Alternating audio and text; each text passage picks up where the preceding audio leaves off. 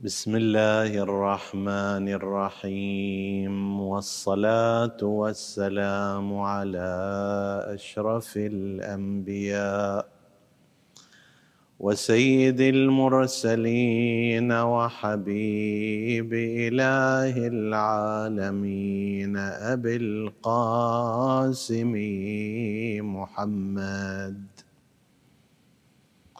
وعلى أهل بيته الطيبين الطاهرين. اللهم صل على نبيك المصطفى ووصيه المرتضى وعلى الصديقة فاطمة الزهراء. وعلى الحسن الزكي المجتبى وعلى أخيه الشهيد بكربلاء وذريته المعصومين يا رب العالمين. اللهم عرفنا بهم وارزقنا شفاعتهم ولا تفرق بيننا وبينهم يا رب العالمين. مما روي عن رسول الله صلى الله عليه وآله أنه قال الحسن والحسين سيدا شباب أهل الجنة. صدق سيدنا ومولانا رسول الله محمد. اللهم صل على محمد وآل محمد وعجل فرجهم. أبارك لكم أيها المؤمنون أيتها المؤمنات. ذكرى ميلاد السبط الأول والإمام الثاني من أئمة الهدى عليهم السلام الإمام أبي محمد الحسن بن علي بن أبي طالب صلوات الله وسلامه عليه وأسأله سبحانه وتعالى أن يكرمنا بكرامته في معرفتهم وشفاعتهم. إنه على كل شيء قدير. وبهذه المناسبة نتناول جانبا من حياة هذا الإمام العظيم والسبط الكبير. وكنا قد قد تطرقنا في سنة مضت إلى جانب من أحواله ومناقبه وصفاته الكريمة في حياته الشخصية. وفي هذه المناسبة نتناول بإذن الله تعالى جانبا من الدور الكبير الذي قام به في حماية شريعة جده وأصحاب أبيه والإبقاء على الثلة الطيبة من تلامذة وأنصار أبيه المرتضى عليه السلام. وهو ذلك الأمر الذي نتج عما عرف بين المؤرخين بصلح الإمام الحسن المجتبى عليه السلام. وبالرغم من أن هذه القضية ربما تم التعرض إليها مرارا ولكنها لا تزال قابلة للبحث وتسليط الضوء عليها والإشارة إلى ما فيها من معان. من أشهر ما يتعرض له المؤرخون هو ما عرف بصلح الإمام الحسن المجتبى عليه السلام مع معاوية بن أبي سفيان. اولا نحن لا بد أن نسجل ملاحظة في قضية كلمة المصالحة والصلح. فإذا كان المقصود منها ما هو حقيقتها وهو المهادنة والاتفاق على مجموعة أمور يلتزم بها كل من الطرفين فهذا لا مانع منه. لكنه ربما يريد البعض من ذوي الاتجاه الأموي أو من أصحاب الاتجاه الرسمي في مدرسة الخلفاء لبيان أن القضية كانت عبارة عن مصالحة تامة وسلام بين الطرفين فهذا مما يمكن المناقشة فيه. ونلاحظ أن هناك تاكيدا وتركيزا من قبل الاتجاه الأموي ومن قبل هذا الاتجاه الرسمي بأن القضية بين العلويين من جهة يمثلهم الإمام الحسن وبين الأمويين من جهة أخرى كانت مشكلة وقد تم حلها وأصبح الجميع في خير وسلام. وهذا لا ريب أنه غير صحيح. نحن نلاحظ مثلا أن معاوية قد أرسل إلى الإمام الحسين عليه السلام بعد قد أرسل إلى عبد الله بن جعفر بعد شهادة الإمام الحسن المجتبى عليه السلام يخطب منه ابنته أي ابنة عبد الله بن جعفر لابنه يزيد. الغرض من ذلك كما قال على صلح الحيين والمهر بالغا ما بلغ. معاوية يريد أن يخطب بنت عبد الله بن جعفر ابن أبي طالب. الغاية من ذلك هو أن يصطلح الحيان الأمويون والعلويون. المهر أي مقدار الذي تريدون. فعبد الله بن جعفر تخاطب مع الإمام الحسين عليه السلام في قضية مفصلة يستشيره فيها الإمام الحسين عليه السلام. قال كلمة عبرت عن رفض هذه الخطبة بهذا المعنى. قال وأما ما كان بيننا وبينكم فإنه كان لله قطعناكم في الله عز وجل وحاربناكم في الله عز وجل ومثل هذا مضمون الكلام ومثل هذا لا يحله خطبة امرأة أو زواجها.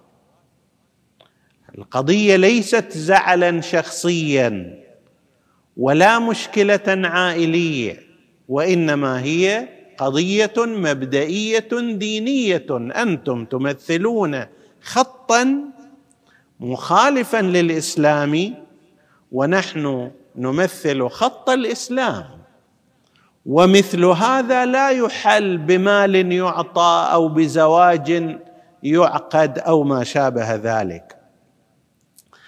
وهذا التبسيط أيضا وجدناه عند بعضهم من قادة الأمويين عندما خاطب محمد بن الأشعث الكندي الإمام الحسين عليه السلام فقال انزل على حكم بني عمك فلن يضروك شيئا ولن ترى فيهم إلا ما تحب. ليش ما تتنازل؟ هذول أولاد عمك والقضية تنتهي وأنت راح تحصل على مصالح وقضايا. هذا تبسيط للمسألة. من ذلك نحن نقول أنه إذا كان الكلام عن المصالحة بهذا المعنى فهذا كلام خاطئ. وإذا كان المعنى لا تأريخ حدث سياسي معين بدل الحرب انتهى الأمر إلى الصلح. بدل القتال انتهى الأمر إلى الهدنة ضمن إطار شروط وقضايا تم الاتفاق عليها. وحتى الذين عبروا بهذا المعنى فكتبوا عن صلح الإمام الحسن من علماء الطائفة إنما كان قصدهم هذا الذي ذكرناه لا ما يقصده أتباع الاتجاه الأموي.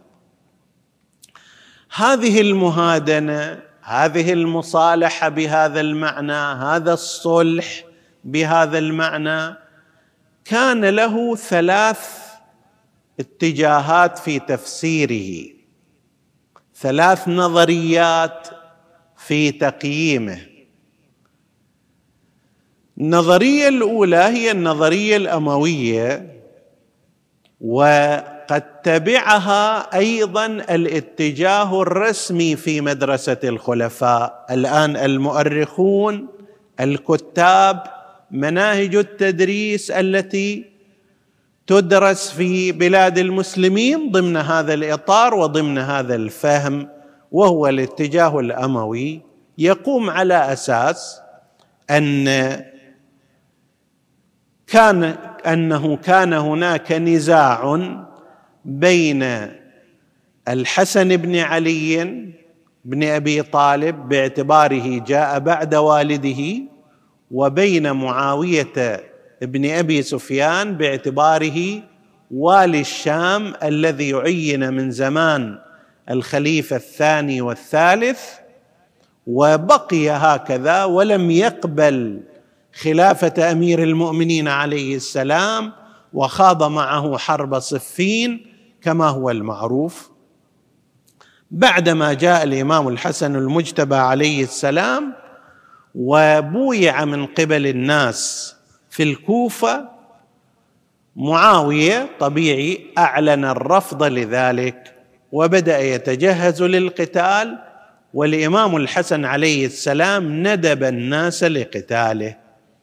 انتهت المسألة إلى أن لا تحدث الحرب وإنما أن يحدث صلح بين الحسن المجتبى وبين معاوية.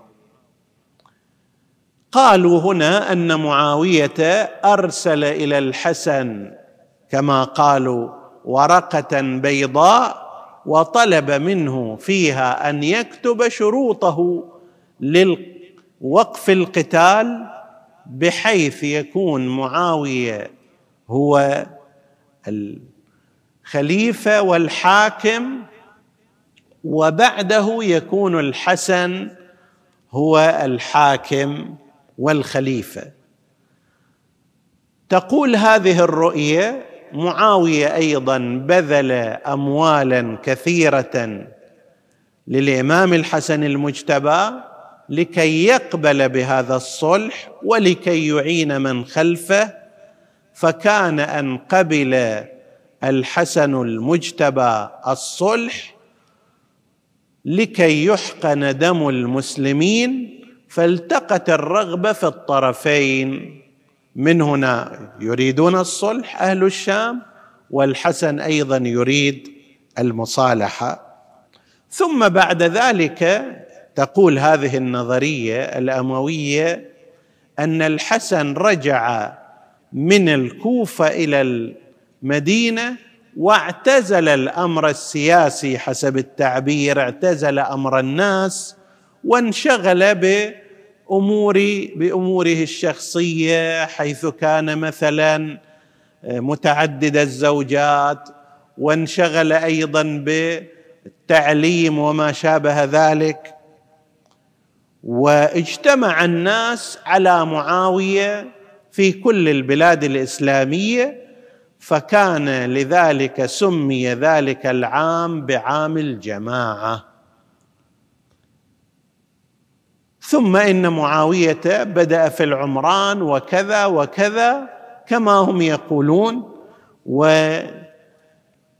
وينشرون هذه الصورة الملائكية الإيجابية عن الموضوع. هذه الرؤية التي كما قلت تبناها مصادر مدرسة الخلفاء والاتجاه الرسمي في الإسلام وهي الآن هي المنهج الدراسي في أكثر بلاد المسلمين.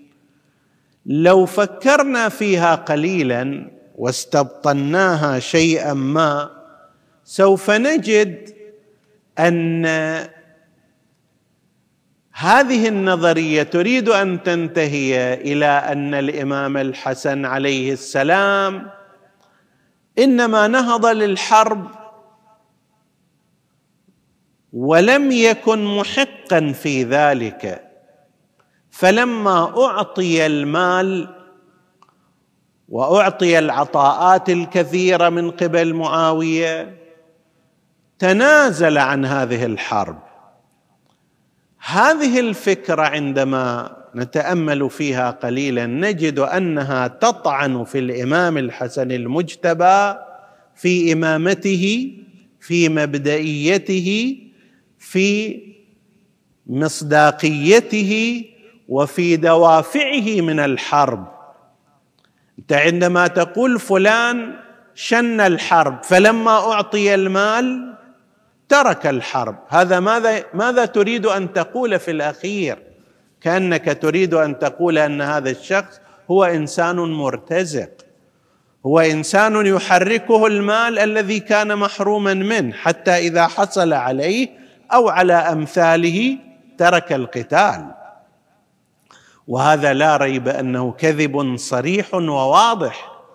فإن معاوية الذي كان باغيا على أمير المؤمنين عليه السلام وهو الفئة الباغية بنص رسول الله صلى الله عليه وآله فيما أعلنه للناس يا عمار آخر شرابك ضياح من لبن وتقتلك الفئة الباغية فعين أن الفئة الباغية هي معاوية وعمرو بن العاص. هذه الفئة الباغية ما راح تتغير بين يوم وآخر لتصبح فئة هادية. هي الفئة الباغية في زمان علي وهي الفئة الباغية التي استمرت في زمان الإمام الحسن المجتبى عليه السلام والإمام الحسن من الناحية الدينية عند الجميع عند جميع المسلمين هو سيد شباب أهل الجنة. ولا يمكن أن يكون أحد سيد شباب أهل الجنة في الآخرة إلا وهو سيد شباب سيد أهل الدنيا في زمانه على الأقل. وهذا الحديث سيد شباب أهل الجنة مروي من الطرفين. فمن الناحية الدينية هو المؤهل ومن الناحية الخارجية فقد اجتمع عليه المسلمون بعد شهادة أبيه علي عليه السلام إلا ما كان من عصيان الشام وتمرد معاوية. فهو صاحب الحق الأصلي ذلك الرجل هو الباغي فئته فئته هي الباغيه وبالتالي كان من الطبيعي أن يقوم الإمام الحسن عليه السلام في وجهه وينهض في مقابله. نجي إلى نظرية أسوأ من هذه النظرية وهي النظرية العباسية. العباسيون مع أنهم أبناء عمومة الإمام الحسن عليه السلام جدهم العباس ابن عبد المطلب عم رسول الله وعم أمير المؤمنين عليه السلام. ولكن وابن عباس عبد الله هو تلميذ أمير المؤمنين عليه السلام ولكن الخلفاء العباسيين بالذات من زمان المنصور العباسي سلكوا اتجاها شديد العداوة للعلويين. وهذا يحتاج إلى بحث مفصل. قطعوا الاتصال الثقافي والعلمي الذي كان بين العائلتين من خلال عبد الله بن عباس. وقطعوا الاتصال النسبي والرحمي عندما بدأوا بالقتل في العلويين ولك أن ترى كتاب مقاتل الطالبيين لكي تنظر حجم المعاناة والقتل التي نفذها العباسيون في حق آل أبي طالب. هذا من جهة أخرى وعلى المدى الاجتماعي أيضا أضيف إلى ذلك أن بعض بني الحسن ثاروا ضد المنصور العباسي. منصور العباسي ما كان مؤهل للخلافة بل هو بايع محمد بن عبد الله المعروف بالنفس الزكية من أحفاد الإمام الحسن المجتبى عليه السلام. بايعه بالخلافة. المنصور بايع محمد بن عبد الله الحسني. النفس الزكية بالخلافة فله في عنقه بيع له. لكنهم تآمروا في القضية والتفوا فيها وأخذوا الخلافة بيدهم ويا ليت اكتفوا بهذا وإنما سعوا لقتل وتشريد آل أبي طالب. فصارت المعركة بينهم وبين الحسنيين. ثار أبناء الحسن على المنصور العباسي. المنصور العباسي لم يكتفي بالسجن لهؤلاء فقد سجن عددا كبيرا منهم. لم يكتفي بقتالهم في حربه إياهم في البصرة في المدينة في مكة وإنما فوق ذلك أيضا ترك وثائق في غاية السوء من رسائله في شأن أهل البيت عليهم السلام. فمن رسائله اللي بعدين هذه صارت صارت أشبه بثقافة في الدولة العباسية لأنه كان في معركة مع بني الحسن تعرض للإمام الحسن المجتبى عليه السلام بأشنع الصفات وأقذع فيها كان بذيئا للغاية. والذي يراجع بعض كتبه ورسائله إلى بني الحسن يلاحظ هذا الأمر. من أفكار تلك الرسائل أن الحسن لم يكن أبوكم الحسن لم يكن رجلا وإنما انصرف إلى النساء وانشغل بالملذات والشهوات وأخذ المال وباع الإمامة بأمواله بأموال معاوية. وهذه تسربت إلى أعداء أهل البيت عليهم السلام فأخذوا ينفخون في كيرها. عندما نأتي إلى بعض ما قيل وهو أمر يثار أن الإمام الحسن المجتبى عليه السلام انشغل بالنساء. أيها الناس عددوا لنا زوجات الإمام الحسن عليه السلام. عددوها حتى نعرف كم هي. أقصى ما ذكروا من الأسماء أن الحسن المجتبى عليه السلام تزوج اثنتي عشرة امرأة. 12 امرأة بالزواج الدائم. طيب إحنا نقبل هذا الكلام. خلينا نشوف هل هذه كانت شيئا خاصا بالإمام الحسن عليه السلام أو لا. اقرأوا كم كان عدد زوجات أصحاب النبي وأبناء أصحابه. أنا أنقل لك هذه الأعداد بشكل سريع. يذكرون أن سعد بن أبي وقاص تزوج إحدى عشرة امرأة وأن عبد الرحمن بن عوف تزوج في رواية اثنتي عشرة امرأة وفي رواية أخرى عشرين. وأن الخليفة الثاني والثالث كل منهما تزوج تسع نساء. وأن أمير المؤمنين عليه السلام تزوج ثمان نساء حرائر غير ما كان بملك اليمين. طيب هذا المعدل بين عشرين لمثل عبد الرحمن بن عوف واحد عشر لسعد بن أبي وقاص وتسع وعشر لفلان وفلان كيف لم تصبح سبة هناك وأصبحت سبة هنا؟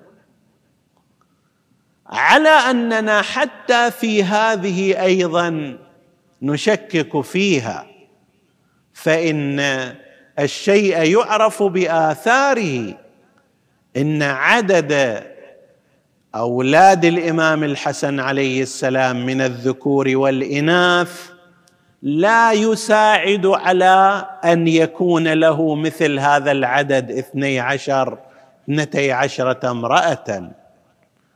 فنحن نعتقد حتى هذا المقدار هو فيه إضافة. فمن أين انشغل بالنساء والزواج والطلاق وما شابه ذلك؟ نعم كان هناك تكثيف في الإعلام بحيث أصبحت هذه القضية من القضايا المسلمة الآن كأنما لا تحتاج إلى نقاش. هذا من الأمور؟ هذه من النظرية العباسية. لم يكن رجلا كيف لم يكن رجلا؟ إذا لم يكن رجلا كيف صار سيد شباب أهل الجنة؟ رسول الله يقول سيد شباب أهل الجنة الحسن. المنصور العباسي يقول لم يكن رجلا. أي أيهما نصدق؟ أي لا ريب أن الكاذب في ذلك هو المنصور العباسي وأن الصادق المصدق هو رسول الله صلى الله عليه وآله. بل في مصادر مدرسة الخلفاء هذا الحديث مما يكاد يكون متواترا عندهم وهو أن النبي قال إن ابني هذا وأشار إلى الإمام الحسن سيد وسيصلح الله به بين فئتين من المسلمين. فبناء على هذا الحديث ابني هذا سيد ومعنى السيادة معنى واسع ومفصل. كيف يكون إنسان سيدا وآخر ليس بسيد؟ والمقصود هنا ليس المقصود السيادة النسبية فقط. وسيصلح الله به بين فئتين عظيمتين من المسلمين. إذا صح ذلك أن الذي قام بالإصلاح هو الإمام الحسن عليه السلام وهو شأنه وشأن آبائه. لسان الأنبياء إن أريد إلا الإصلاح ما استطعت وما توفيقي إلا بالله. ولسان حال أمير المؤمنين عليه السلام إن أريد إلا الإصلاح. ولسان حال الإمام الحسين خرجت لطلب الإصلاح في أمة جدي. وهكذا. هاي هي المسيرة الطبيعية. لكن الاتجاه العباسي والذي سيطر لفترة ثلاث قرون تقريبا أو تزيد على خلافة المسلمين وبث هذه الأفكار من خلال خطب الجمعة والكتب والروايات والأحاديث ومن شابه ذلك وما شابه ذلك.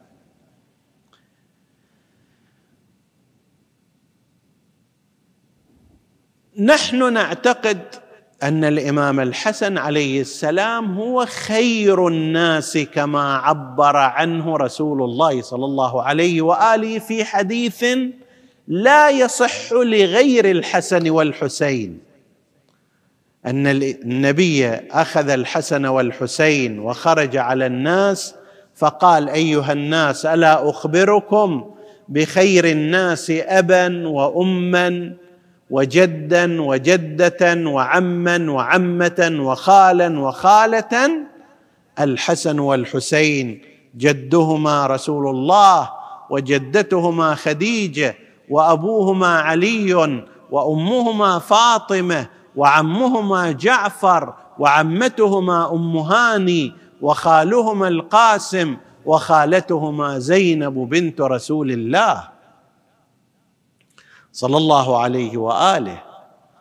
هذا النسب هذا المجد هذا الحسب لا يوجد لبشر في الكون حتى رسول الله صلى الله عليه وآله. ورسول الله أفضل منهما وجدهما وخير منهما وإمامهما. لكن هذه المقاييس ليست لرسول الله. ليست لعلي بن أبي طالب عليه السلام وهو أبوهما وسيدهما وإمامهما. لكن هذه المجموعة خير الناس ابا واما وجدا وجدة وخالا وخالة وعما وعمة لا تنطبق على أحد في الكون إلا على الحسن المجتبى وعلى الإمام الحسين عليه السلام. كما قلنا حتى لا لا تنطبق على رسول الله وهو أفضل الكائنات. لكن هذه الحلقات لا لا تتسق في نسب رسول الله ولا في نسب أمير المؤمنين عليه السلام ولا في غيرهما. فماذا يعني أن يقول هؤلاء هكذا ورسول الله يقول شيئا آخر ولشد ما اختلفا العباسيون من جهة ورسول الله صلى الله عليه وآله من جهة أخرى في الأقوال والأفعال والسيرة. رؤيتنا الإمامية في هذا أن مصالحة الإمام الحسن عليه السلام المجتبى. كانت كما قال هو علة مصالحة معاوية علة مصالحة رسول الله صلى الله عليه وآله لقريش في الحديبية. نفس المعطيات نفس النتائج نفس الفوائد التي ترتبت على صلح الإمام صلح النبي صلى الله عليه وآله المعروف بصلح الحديبية مع قريش هي نفسها ترتبت على صلح الإمام الحسن. في حديث عن الإمام الباقر عليه السلام يقول ما مضمونه أنه ما فعله الحسن من الصلح خير للأمة مما طلعت عليه الشمس. ما طلعت عليه الشمس ماذا يعني؟ يعني كل ثروات الأرض هي مما طلعت عليه الشمس. كل الفوائد كل المنافع تحققت ببركة هذا الصلح.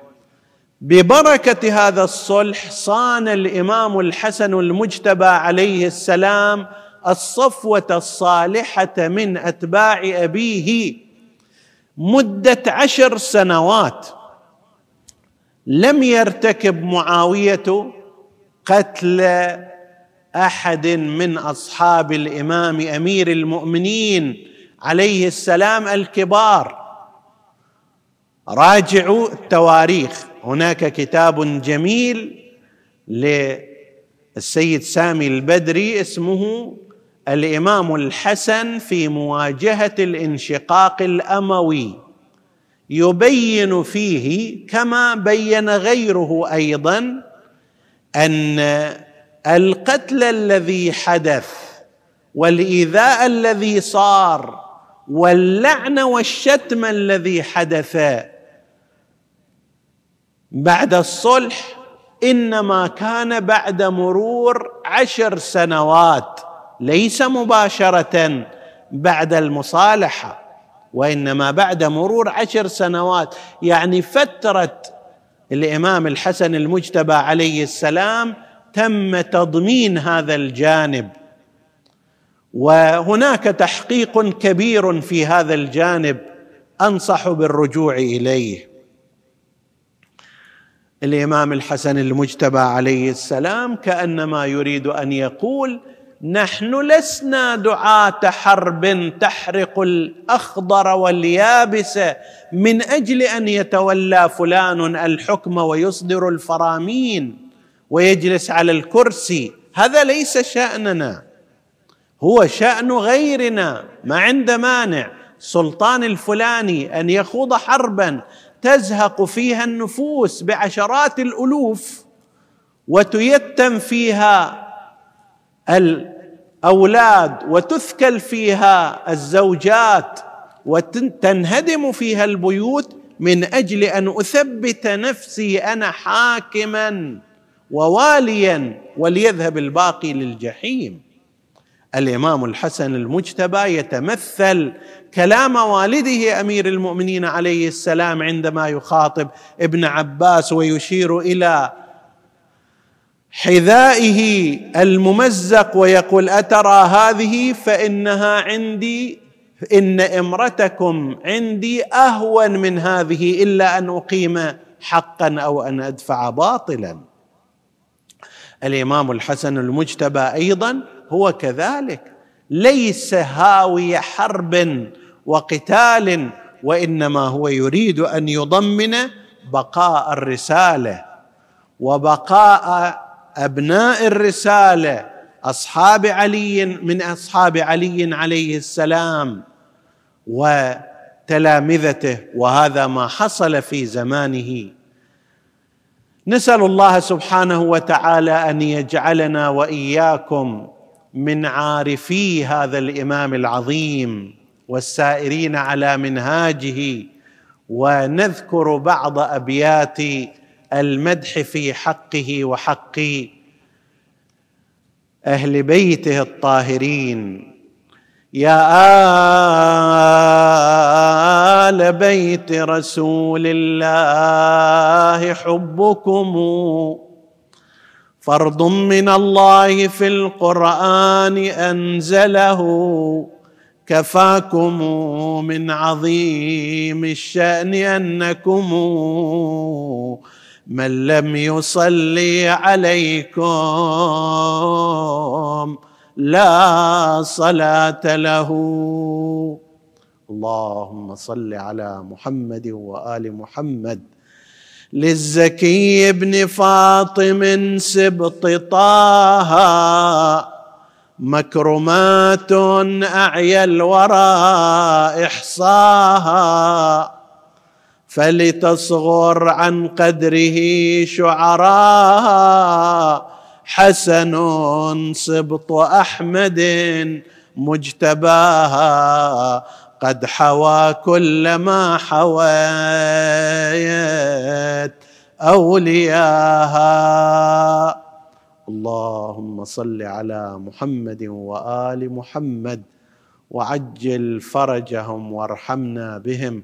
اللهم إنا نسألك بالحسن المجتبى وبجده المصطفى وبأبيه المرتضى وبأمه فاطمة الزهراء وبأخيه الشهيد بكربلاء أن تصلي عليهم وأن تقضي حوائجنا وأن تجمعنا وإياهم في الدنيا والآخرة اللهم اكشف هذا الوباء عن عبادك وسلم المؤمنين منه وادفع الشر والبلاء عمن يعبدك يا رب العالمين.